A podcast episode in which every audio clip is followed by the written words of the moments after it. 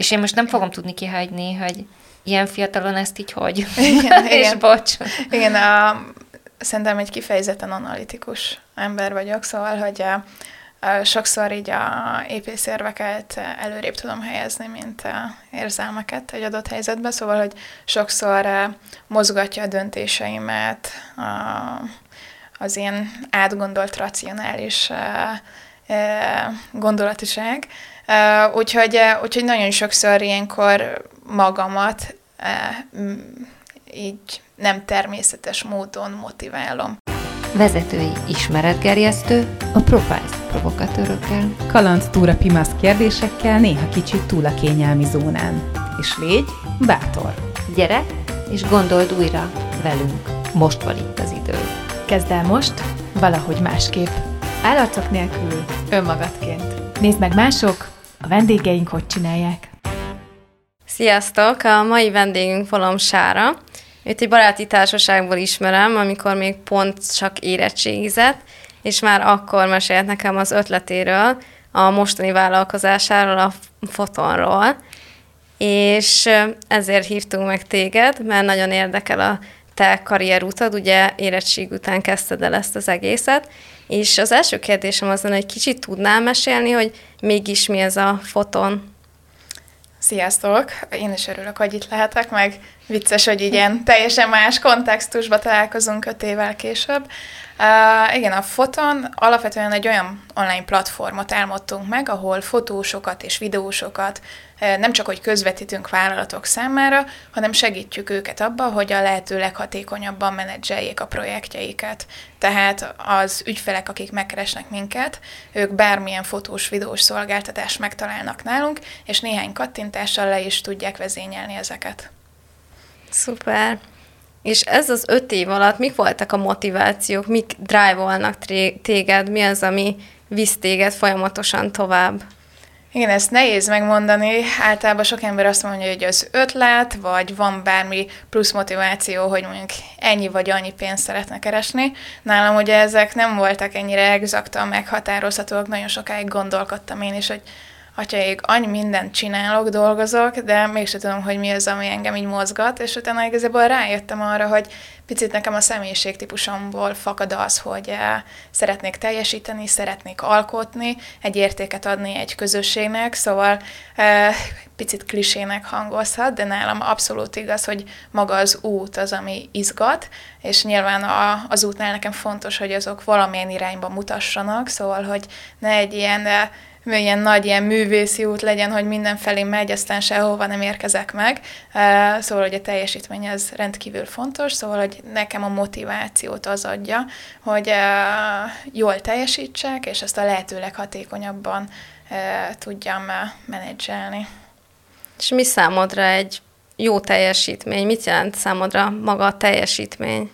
Hát nagyon sokan másokhoz viszonyítják magukat, én, vagy én az engem sosem mozgatott meg, szóval mások irányában nem vagyok kompetitív. Nekem sokkal inkább fontosabb volt, hogy magamhoz képest lássam a fejlődést, úgyhogy nekem a jó teljesítmény az, hogyha felül tudom múlni önmagamat. Wow. és ezeket, amikor így azt mondod, hogy oké, okay, van itt egy szint, amit szeretnél teljesíteni, akkor mennyire vagy szigorú magadhoz, hogy milyen szintet adsz meg? Szerintem kifejezetten szigorú vagyok, de ezt egészen addig nem vettem észre, amíg nem lettek munkatársaim, mert ugye tőlük is azt vártam el, amit magamtól elvárok, szóval mivel nekem nem volt más munkatapasztalatom a foton előtt, tehát az első munkahelyem a saját cégem, én esetben nem is nagyon lehetett viszonyítási alapom, hogy amúgy mi a teljesítmény ilyen vállalati szinten. Úgyhogy eléggé magasak a standardjaim, mindig úgy próbálok rendszereket képíteni, hogy a hibázásnak viszonylag kevés tere maradjon, úgyhogy tudom, hogy hibátlan munkát sosem lehet elérni, de hogy az arra való törekvés az jellemzi a tevékenységemet van ott egy áthallás a teljesítménycentrikusság, meg a maximalizmus között, és én tudom, beszélgettünk már korábban, Igen. hogy azért neked ez a kettő nem ugyanaz. Miben tér el nálad a kettő? Igen. Én azt gondolom, hogy a maximalista emberek, ők a jóból szeretnek még jobbat csinálni, a teljesítménycentrikus emberek pedig teljesítményt szeretnének elérni, és nekik az se probléma, hogyha nem jóból indulnak, hanem mondjuk egy eléggé nagy problémát kell uh-huh. jóvá tenniük. Úgyhogy engem a problémák sosem ijesztenek meg, hanem az egy izgalmas kihívásnak tűnik, és amikor egy problémát meg tudok oldani, az eléggé katartikus élmény. Látszik rajtad? A, hogyha örülök? A, abszolút igen, szóval, hogy nálam eléggé sok érzelem á, tud látszódni szerintem munka közben. Ugyanúgy a lelkesedés, de néha kevésbé lelkes szakaszok is. Ugye tudod, hogy ez magas labda volt. Sejtettem. Ezt sok kérdem, és, és milyen az, amikor ez nem siker, és nem öröm, és nem ez a ez a pozitív hullám van itt, hanem ak- ak- na és az, akkor milyen vagy te? Én akkor is rendkívül pedáns, szóval amikor olyan szakasz van, amit nem élvezek, akkor is eléggé magas szinten tudok teljesíteni, azért mert nekem az egy, nyilván mindenkire hatással van a saját ilyen lelki hullámai, de nekem meg volt határozó belül egy szint, hogy mi alá nem mehetek, még akkor is, amikor nagyon rossz. Szóval um, úgyhogy így lehet, hogy kívülről kevésbé vigyorgónak tűnök, de hogy a, a ilyen végeredmények tekintetében ez a hullámzás nem annyira érzékelhető, inkább a mosolyok számában. az a pont, amikor azt mondod, hogy nem mész az alá szint alá, és ott van valami belső, belső szabályozásod, kontrollod, azért az ott energia. És ott valami mindig így, azért így mozog az emberben olyankor, hogy nagy levegő, de mosolygok közben, és megyünk a teljes, és az, az, azzal nem, nem süllyedünk, szóval, hogy ott azért az nagyon tudatos működés, nagyon ö, jelen kell lenni, hogy tudd ezt jól szabályozni, és én most nem fogom tudni kihagyni, hogy ilyen fiatalon ezt így hogy. Igen, és igen. bocs.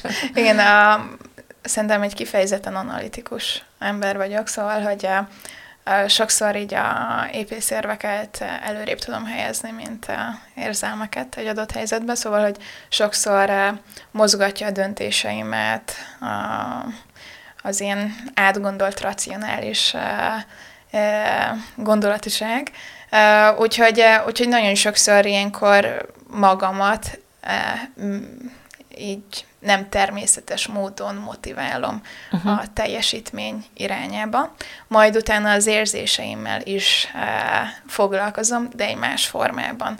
Szóval, hogy nem hagyom azt, hogy a munkához kapcsolódó dolgoknál azt csinálom, amihez kedvem van, mert hogyha mindig azt csinálnám, amihez kedvem van, akkor hát akkor nagyon más irányokba, és valószínűleg nem ilyen gyors növekedéssel tudtunk volna ö, haladni. Szóval ezt megtanultam, hogy vannak olyan részek az életben, amikor nem rózsás minden, de nyilván azt a fajta feszültséget, ami, a, ami, ami ebből generálódik, uh-huh. azt uh, valahol csatornázni uh, kell.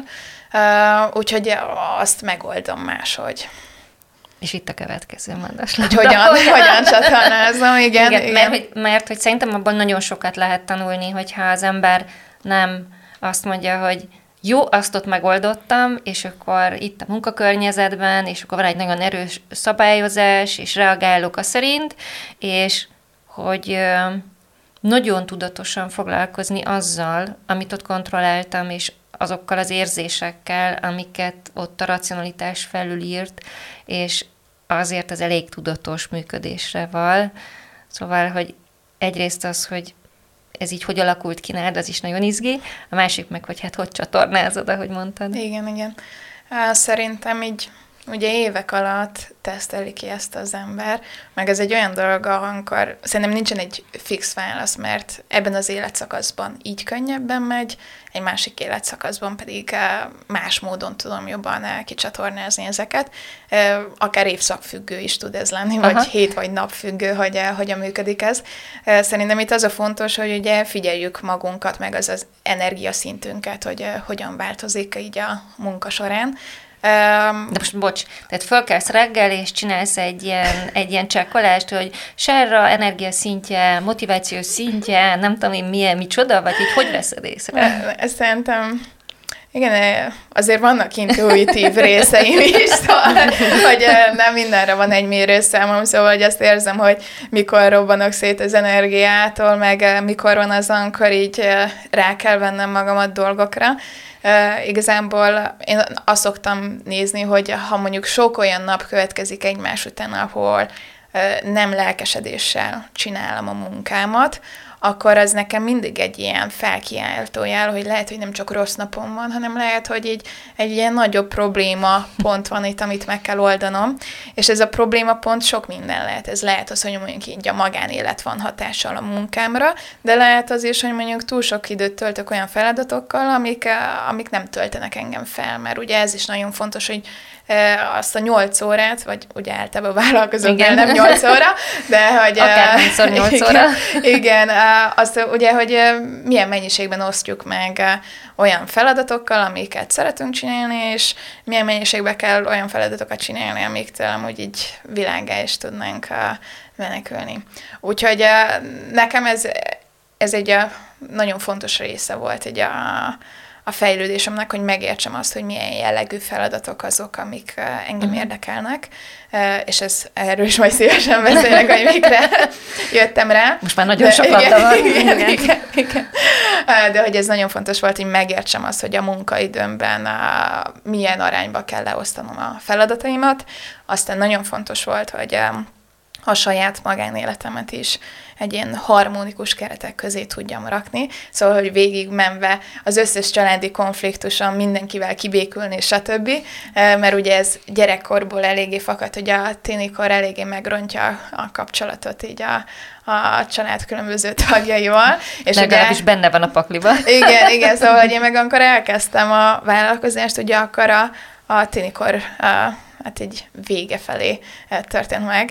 Amúgy Pontosabban 18 éves voltam. E, igen, 18 voltam, amikor kitaláltam, és amikor a céget megalapítottam, akkor 19, és emlékszem, amikor 20 éves voltam, akkor akkor eléggé szomorú voltam, hogy nem mondhatom tovább, hogy tini vállalkozó vagyok, szóval hogy volt egy ilyen törés ebben, de hogy uh, amúgy azóta túl tettem túl magamat ezen. Nem, nem, nem. Tehát nem okozott komolyabb kiégést. Nem, nem, de, de azért volt egy kis idő. De, de hogy, um, szóval hogy ez is nagyon fontos, mert az, hogy a családunkkal milyen a kapcsolatunk, hogy a barátainkkal milyen a kapcsolatunk, hogy a múltunkkal milyen a kapcsolatunk, az hatással lesz arra, hogy hogyan tudunk kapcsolódni más emberekkel, a munkatársainkkal, üzlet üzleti partnereinkkel, befektetőinkkel, bárkivel. Úgyhogy nekem ez is nagyon fontos volt, hogy ezeket így lefektessem, illetve amúgy, hogy így tényleg így hogyan történnek a mindennapjaim, szóval, hogy mennyi időben foglalkozok munkával, aztán utána mit csinálok a szabadidőmben, szóval, hogy hobbikat csinálok, vagy barátokkal töltök időt, szóval, hogy mennyi a szociális, mennyi a ilyen önfejlesztő idő, stb. És ugye ez is eléggé változó, szóval nyaranta általában nagyon szociális vagyok, Telente meg inkább akkor ilyen nagyon önfejlesztés zajlik, szóval hogy itt is azért van ennek egy ilyen, hát ilyen hullámok, amiken mozgok, de itt mindig szoktam figyelni. Na, itt igazán figyelek arra, hogy mihez van Aha. kedvem a szabadidőmben. Szóval, hogy az nagyon az szerint alakul, ami, amit érzek, hogy mit szeretnék csinálni. Ott nem megyek abba az irányba, hogy amúgy mi a kötelező kör, hanem, hanem mindig a kedv szerint uh-huh. mozgok. Uh, míg ott annál a, az érzelmek kezelése és kicsatornázása, lecsatornázása, hogy szóval be, ha belemegyünk abba a pillanatban, hogy van egy olyan helyzet, amikor így elég erőteljesen kell kontrollálnod magad, és tudod, hogy ott és akkor mi az, amit csinálj inkább, de ott keretkezik abban a bugyorban valami, amivel aztán majd foglalkozol, hogy egy, hogy ezt hogy csinálod? Tehát hogy oldod fel azt, vagy hogy kezeled ezeket a összegyűlt, bugyorba berakott szitukat? Igen. Um, szerintem ugye az első lépés, hogy meg tudja hozni az ember önmagával azt a kompromisszumot, hogy nem abban az adott helyzetben mutatja ki az érzéseit az uh-huh. adott dologgal.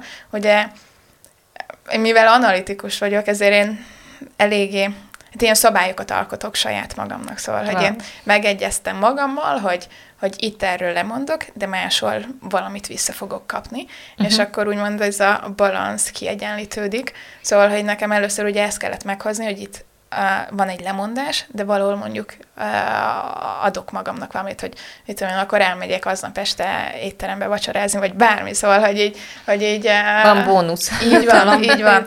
Igen, én erre jöttem hogy ez amúgy nagyon fontos, hogy amúgy hogy meg is ajándékozzuk önmagunkat, hogyha valamikor így felül, felül tudtunk önmagunkon emelkedni.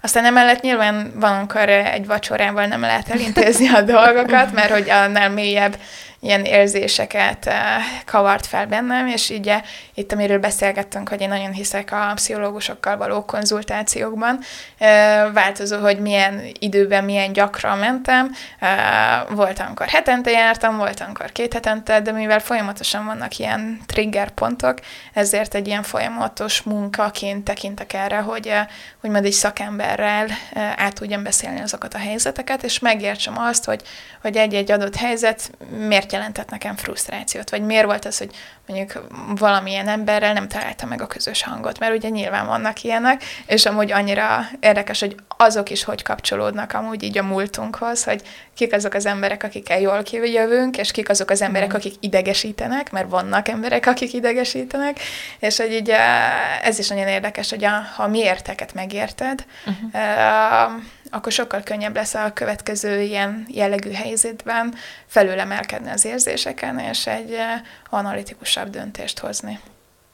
Azért az nagyon nagy bátorság, amikor az ember így fogja magát és belenéz egy-egy ilyen tükörbe, egy-egy ilyen szituációban, Igen. a saját viselkedésébe, reakciójába, múltjába.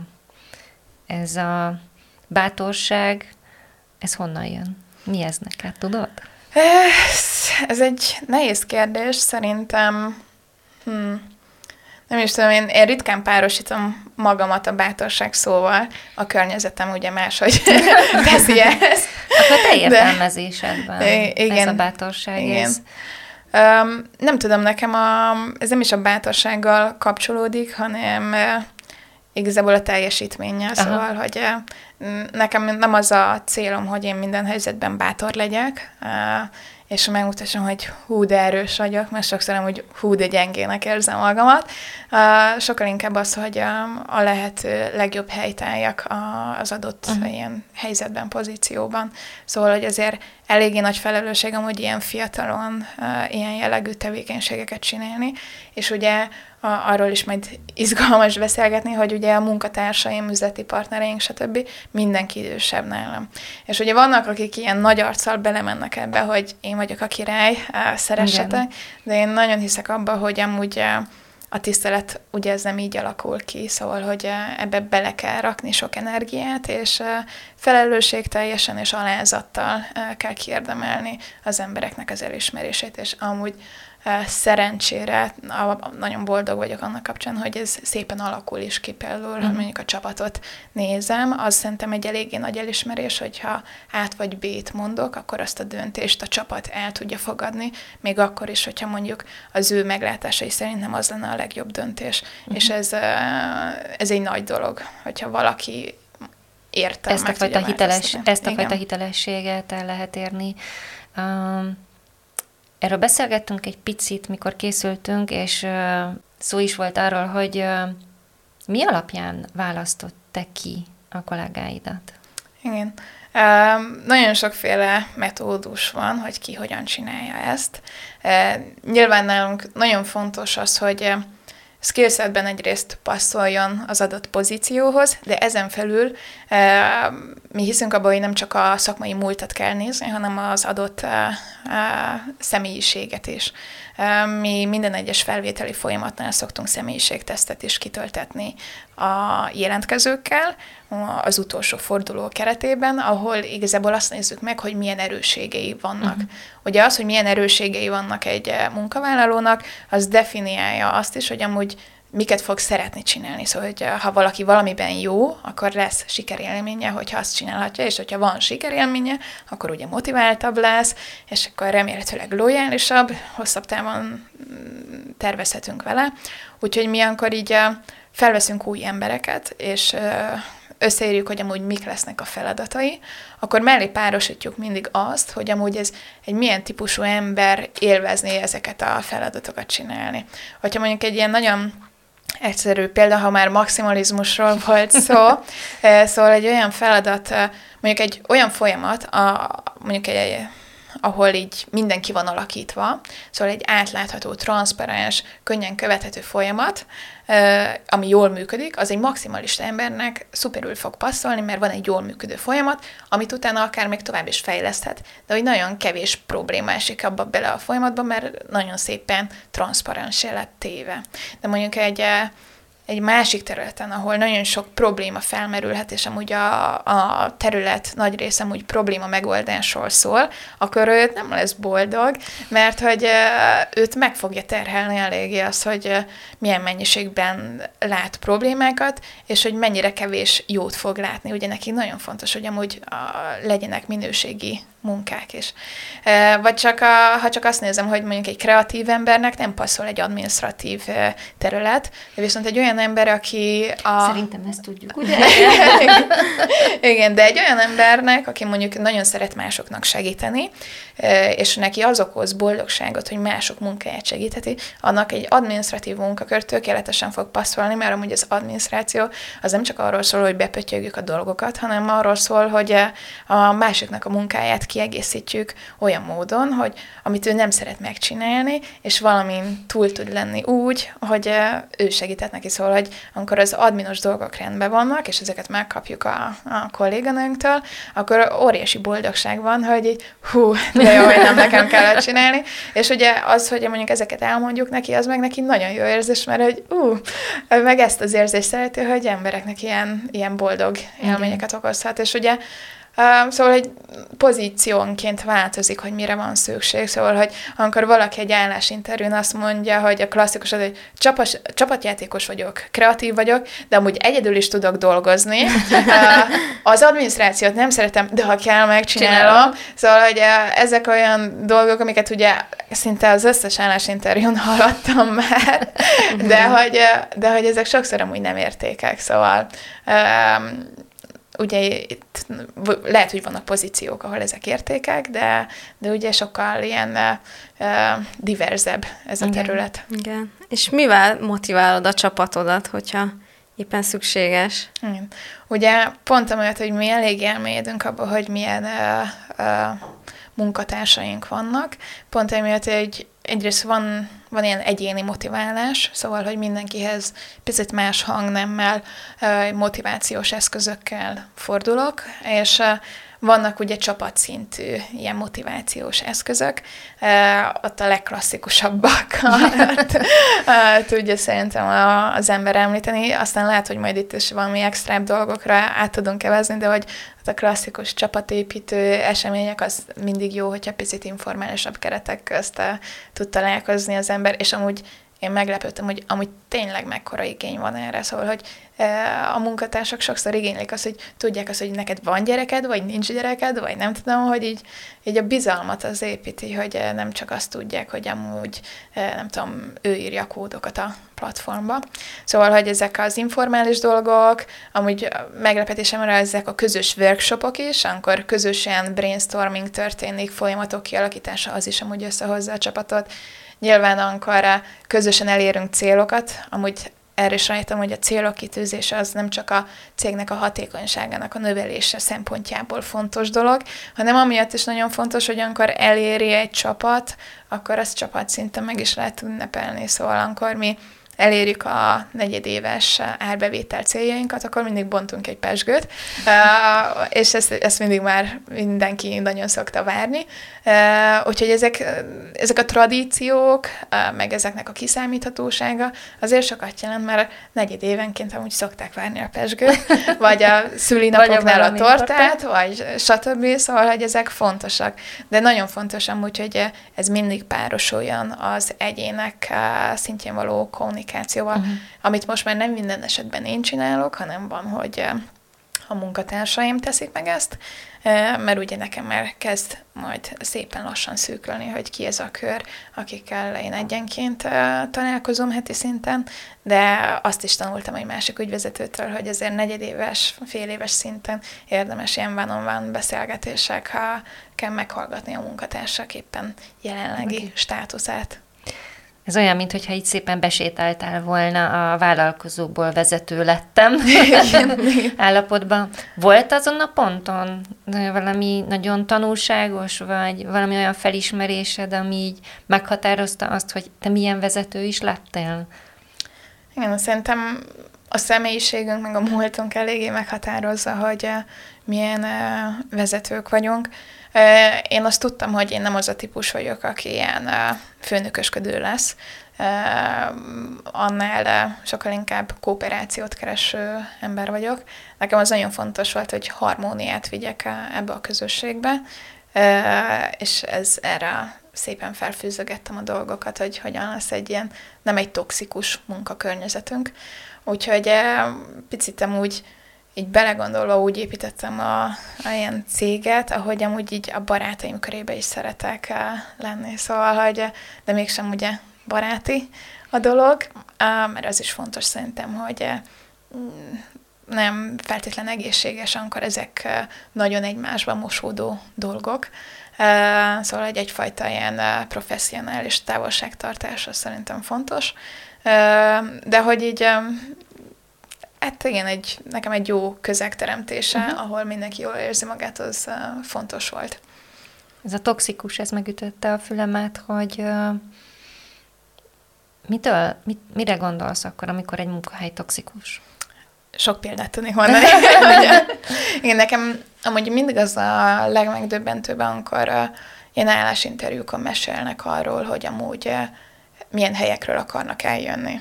És uh, és egészen megdöbbentő, hogy bizonyos vezető mennyire kevés érzéssel rendelkezik, és ö,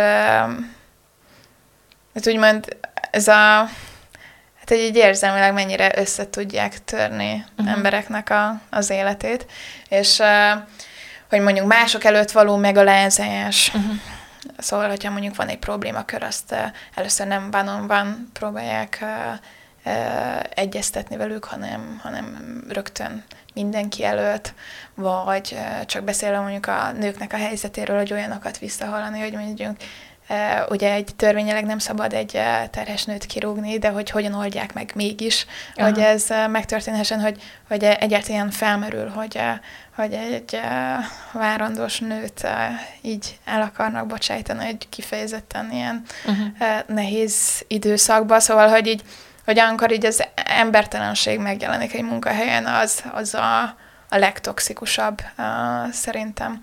Úgyhogy, uh, és erre meg ezer egy történetet lehet uh, Igen. hallani. És van, hogy tényleg amikor mondjuk csak egy kávézóban ülök, és pont volt ilyen, és hogy ültem egy kávézóba, és egy, uh, egy ügyvezető beszélgetett az egyik munkatársal, és nem szoktam hallgatózni, de hogy így megütötte a fülemet, hogy, hogy milyen stílusban beszél egy munkatársal, és hogy mennyire nincsen olyan reflexió egy vezetőben. Szóval, hogyha valamilyen folyamat nem működik, az nem biztos, hogy, a, hogy mindig a munkatárs oldalán csúszik el. Szóval, hogy nagyon szor, sokszor jellemző szerintem az, hogy nem transzparensek a cégek, és a transzparencia hiánya miatt mondjuk nem tudják, hogy mi a jó döntés, vagy mi a rossz döntés, és akarva akaratlanul belefutnak Igen. rossz döntésekbe, és az az ő hátukon csapódik, és az azért igazán igazságtalan, mert hogy arra ők nem tudtak felkészülni.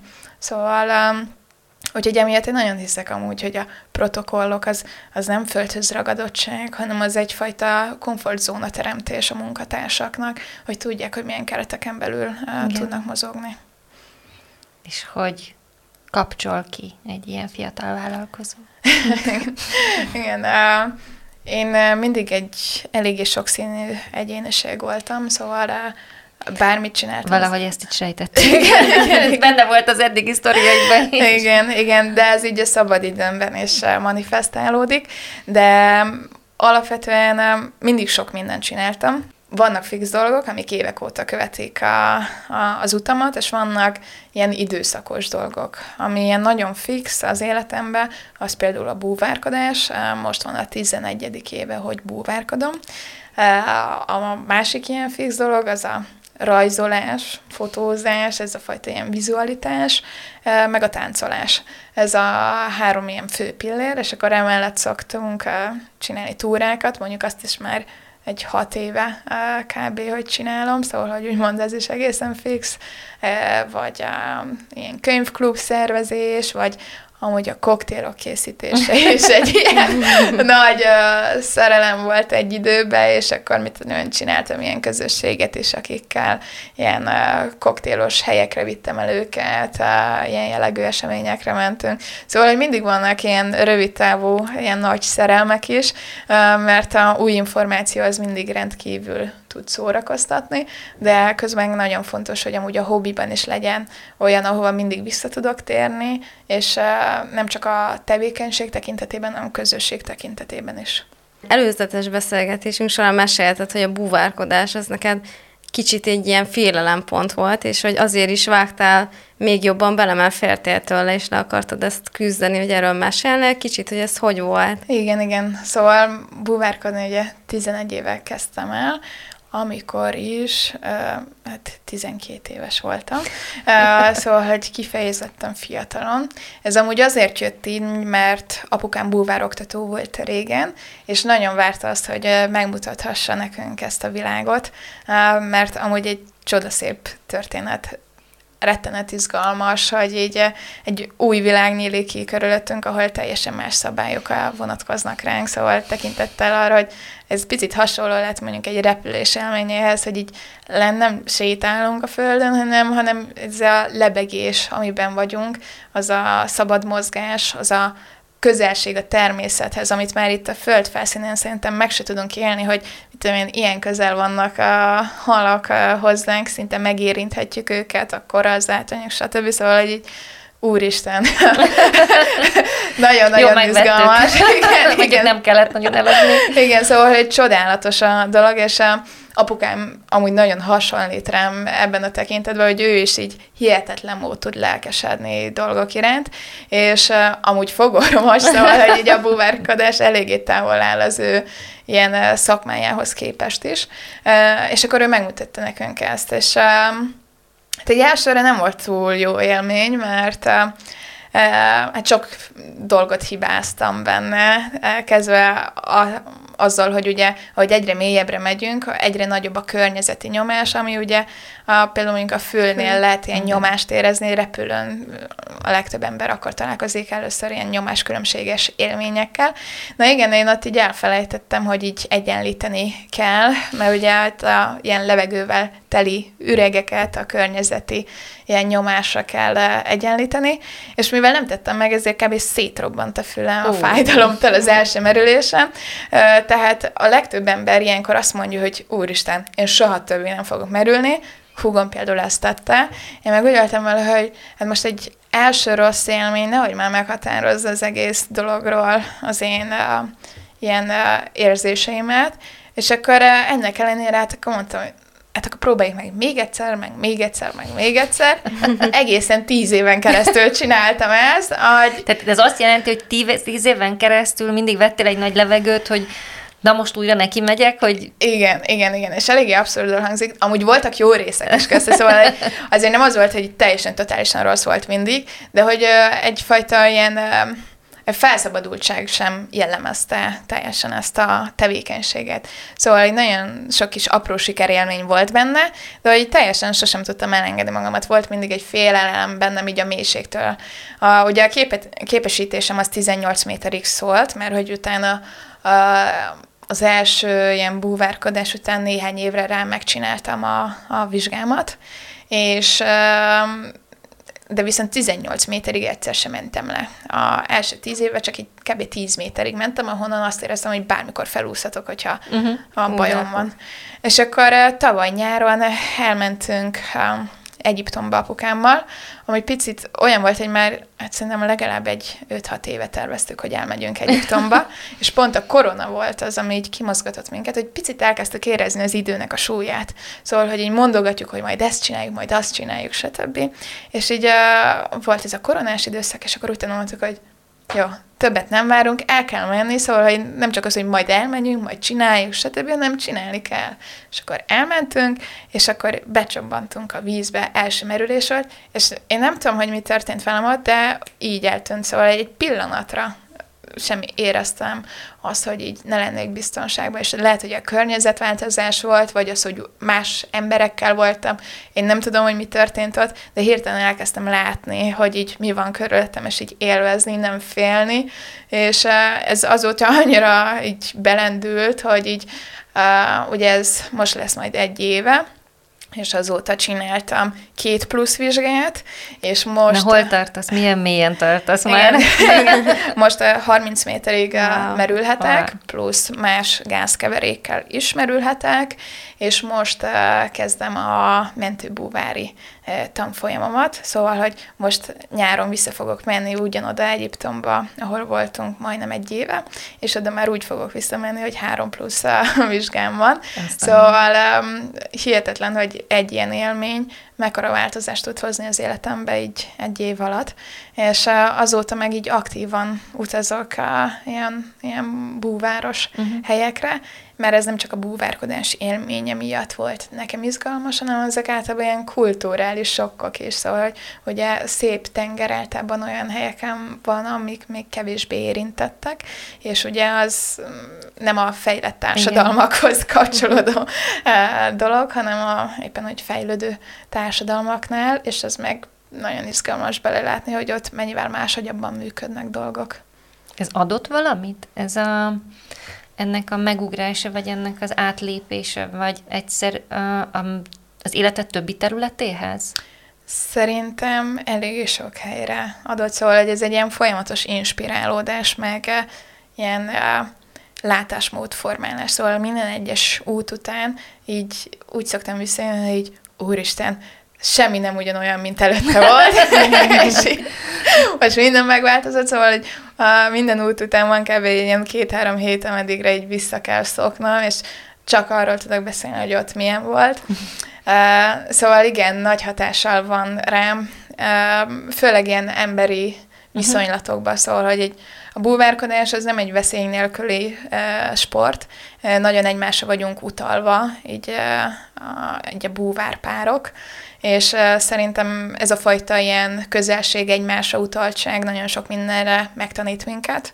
Meg ugyanúgy az, hogy más kultúrákkal találkozom, Igen. hogy uh, ugye ők máshogy csinálnak dolgokat, bármit, és hogy ugye nekem ahhoz alkalmazkodnom kell, vagy nekik kellene hozzám alkalmazkodni, és ez például, és nem kicsi alkalmazkodásokról van szó, itt nagy alkalmazkodásokról, és ez például mindig nagyon izgalmas, hogy így hogyan találja meg ebben az ember a komfortzónáját. Úgyhogy közben a teljesítmény, vagy az a cél, az megszülessen, és létrejöjjön az élmény, így mert van, itt élményről így van, van szó. így van. Szóval most ugye voltam Afrikában, és ami nagyon izgalmas élmény volt, hogy ott mennyivel lassabban történik minden, szóval ott a kapszulás kávét nem egy perc alatt főzik le, hanem 15 perc alatt, de úgy, hogy végig történik valami, csak nagyon lassan. Szóval, hogy, vagy hogy elmész étterembe, akkor minimum két órát kell várni, hogy, hogy valamit tehessél, és nem lehet mindent kérni az étlapról, hanem amit éppen aznap fogtak a, a óceánban, azt teheted meg, és ez így nagyon izgalmas, hogy nincs az, hogy bemegyünk az Aldiba és megkapunk mindent, hanem, hanem itt máshogy működik. Folyamatosan van valami új, valami Igen, más. igen, igen, és ez, ez nekem nagyon izgalmas volt ebből kiszakadni, és picit amúgy azt is érezni, hogy a, például a természetre való utaltság az így létezik, szóval hogy itt azért a városi létben, ahol légkondival, meg nem tudom, tetővel a fejünk fölött, teljesen elszakadunk attól, hogy milyen időjárás van, mert hogyha ez, esik az eső, akkor beülünk az autóba, ki sem mozdulunk otthonról, mert home office-ba megcsinálhatunk mindent. Igen. Uh, szóval, hogy ez ami nagyon érdekes, hogy ennyire nem vagyunk ráutalva így az időjárásra, és mondjuk összehasonlítva Afrikával, ahol meg nagyon Igen. ki vannak szolgáltatva az időjárásnak, vagy bármilyen eshetőségnek, az egy nagyon nagy kontraszt. Uh, és ez egy nagyon nagy rugalmasságot igényel az embernél. Igen, abszolút, de közben meg valahogyan mégis azt éreztem, hogy mégis az lenne a természetes, hogy nem azt vesszük természetesnek, hogy minden van, hanem, hanem ezt az eshetőségnek adunk valamilyen helyet az életünkbe. Tök izgi. Nekem még egy, egy kérdésem maradt itt a végére, lassan a vége felé, hogy nagyon sokat meséltél arról, hogy hogyan dolgozol saját magadon, hogy mennyire, mennyi minden tudatosan történik, és most mi a fókuszod önmagadon? Igen. Ez egy ilyen izgalmas eh, szakasz, mert pont szerintem sok mindent így megoldottam így utóbbi időben, meg most egy ilyen nagy ilyen hullámvölgy után vagyok, mert ugye nemrég jöttem vissza Afrikából, és igen, így igen, igen. nagyon azt éreztem, hogy ezek a nyugati társadalmak, azok nem nekem való dolgok. Um, de alapvetően én most azon dolgozok, hogy a, hogy a újra megtaláljam a helyet, helyemet a szervezetben, mert ahogy növekedik a csapat, úgy változik az én pozícióm, és vannak dolgok, amiket kiszervezek, vannak, amik nálam maradnak, aztán rájövök, hogy amit kiszerveztem, azt inkább magamnak akarom, és inkább mást adok oda. Szóval, hogy most igazából ez a, ezen az átalakuláson megyek át, hogy e, picit mélyebb módon értsem meg azt, hogy e, mi az, amiket szeretnék e, még magamnál tartani a legjobb teljesítmény érdekében, és mi az, amit könnyedén úgy át tudok adni, hogy ez a, a minőség rovására megy. És ez egy nagyon érdekes dolog, mert itt egyrészt kell a céges érdekeket nézem, hogy a folyamatosságot mi tudja fenntartani, illetve a saját érdekeimet is kell nézni, hogy mik azok a teendők, amik amúgy feltöltenek, és szívesen foglalkozok vele. Szóval, hogy ez nem egy könnyű balansz itt eh, megtalálni, hogy eh, mi lesz a működőképes modell, meg ugye ez nem egy kész feladat, hogy most így hát akkor most megnézzük, hogy most éppen hogy van, és akkor majd Igen, úgy lesz örökké, hanem, hanem ha jön még egy, vagy két, vagy három munkatárs, akkor picit borul minden újra. És, és ez egy ilyen izgalmas dolog, hogy próbálom megtalálni annak a leghatékonyabb módját, hogy, hogy mindig megtaláljam a helyemet a szervezetbe a lehető leggyorsabban. Nagyon köszönöm, hogy eljöttél és beszélgettél velünk. Hát én köszönöm Szuper a meghívást. Volt. Egy élmény volt. Most hallgatva néha vicces, ugye? Benne lenni. Nagyon kényelmetlen tud lenni. És visszanézve, néha rém egyszerűnek is tűnhet. Tarts velünk legközelebb is!